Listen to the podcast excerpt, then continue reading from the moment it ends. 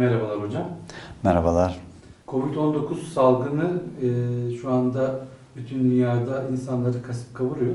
Bu salgın ne kadar daha sürer? Geçmişten bahisleri neler olur? Ve bu salgında en çok neyin sıkıntısını yaşarız? Ya da bu salgın bizi en çok nereden vurur hocam?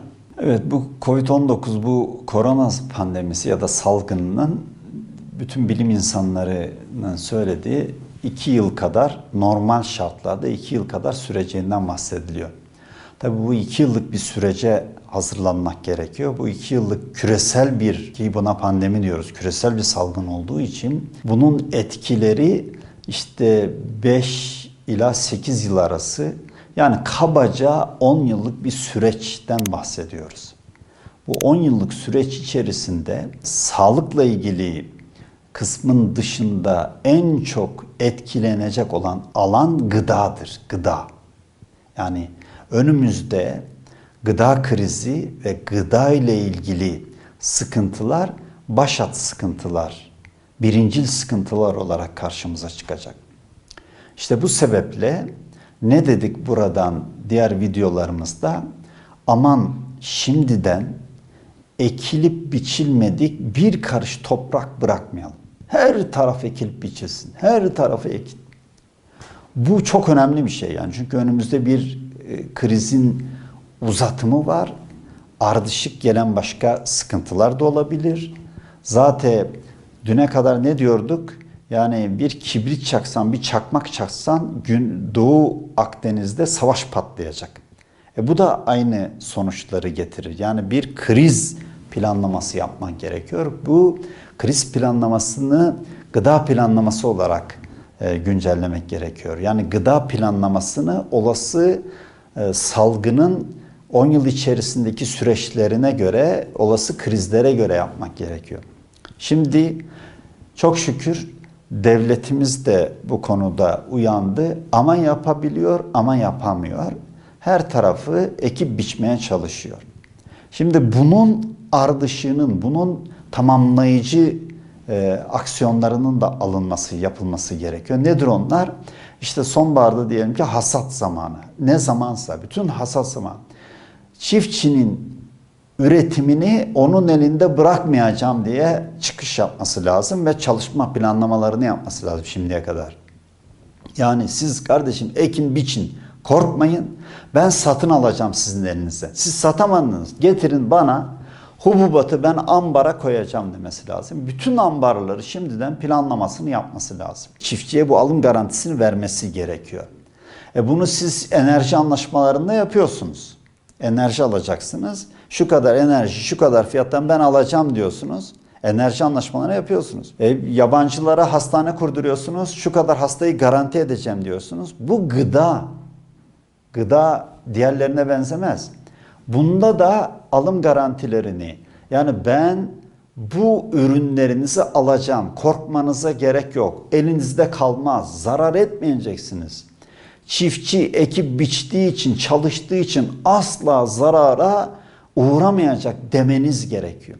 Ki onlar da gönül rahatlığıyla mücadeleye, toprakla mücadelelerine, hayvancılık mücadelelerine devam etsinler. Bunları alıp ambarlarla koydunuz mu? Bakın bu pandemi başladığında, bu salgın, küresel salgın başladığında Türkiye güzel bir hareket yaptı. Ne yaptı? Amerika'sından Etiyopya'sına kadar, İngiltere'sinden işte Rusya'sına kadar, İran'ına kadar hemen hemen dünyanın birçok bölgesine, Pakistan'ına, e, Hindistan'ına birçok bölgesine maske gönderdi. Tıbbi malzeme gönderdi. İşte tulum gönderdi. E, değişik yardımcı olabilecek bu mücadelede sağlık aletleri gönderdi. Ve bu güzel bir etki yaptı. Şimdi bu çıkışla aslında Türkiye tam küresel bir aktör diyemeyiz ama şöyle bir yarı küresel bir aktör olabileceğine ait bir işaret olmuş oldu bu. İnsanlar bundan alır.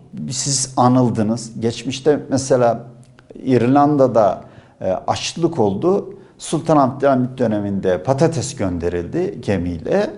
Ne oldu? Hala İrlandalılar bunu anıyorlar. Hala hayırla yad ediyorlar. Siz de böyle bir mücadelede Bu tür bir yardım yaptınız. Şimdi önümüzde ne planlanıyor? Gıda krizi.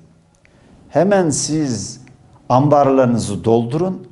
Gerekirse bir zaman gelecek insanlar gıda bulamayacaklar. Siz hem kendi insanınızı doyurun hem de küresel olarak siz aktör mü olacaksınız? Yardımlar yapın.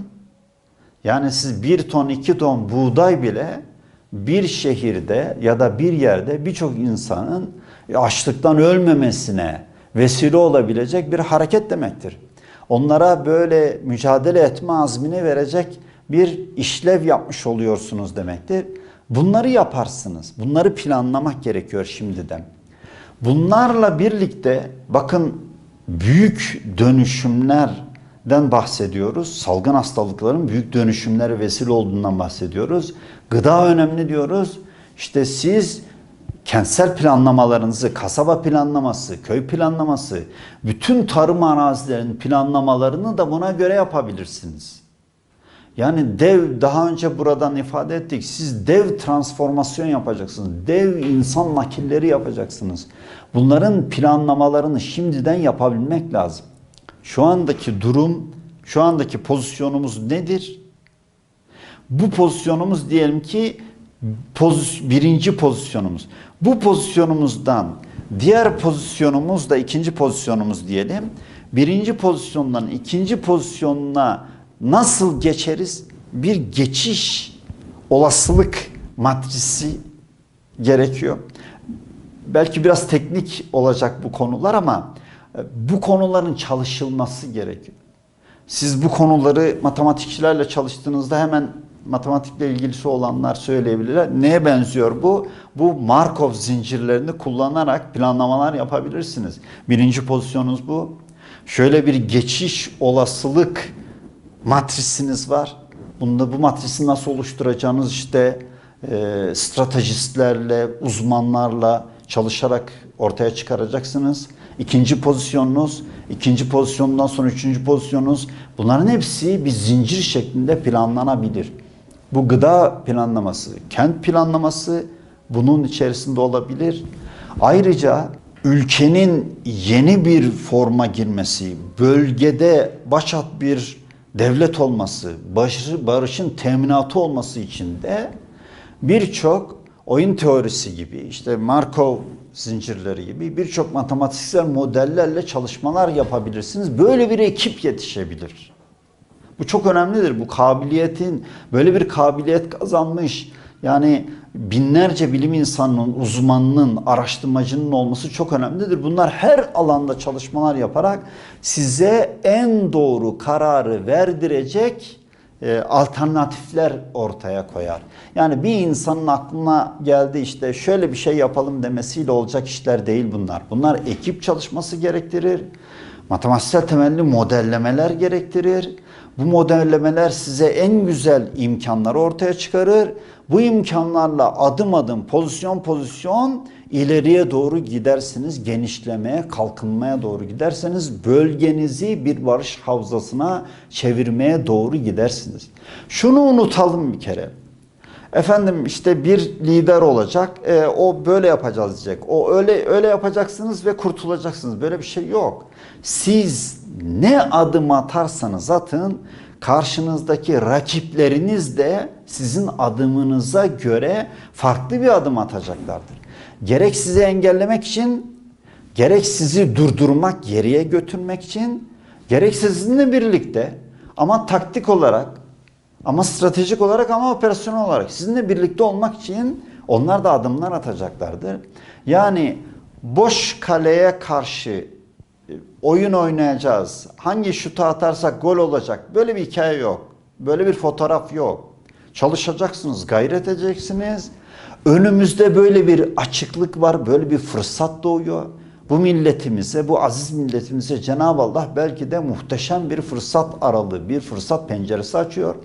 Bu pencereden geçip bu bölgede, burada yaşanabilir bir Türkiye yeniden büyük bölgesel olarak güçlü barışın teminatı bir Türkiye'yi kurgulayabiliriz, kurabiliriz ve yeni bir dünyanın da teminatını oluşturabiliriz barış havzasına çevirerek Orta Doğu'yu.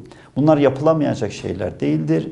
Bunları işte temelde tarım, gıda, hayvancılık, ziraati lokomotif olarak kullanabilirsek yapabiliriz. Yoksa gıda krizi kriziyle karşı karşıya kalmış, kendini doyurmaktan aciz, milletin açlıktan, milletinin açlıktan öldüğü bir devletten e, çok büyük atılımlar beklemek mümkün değildir.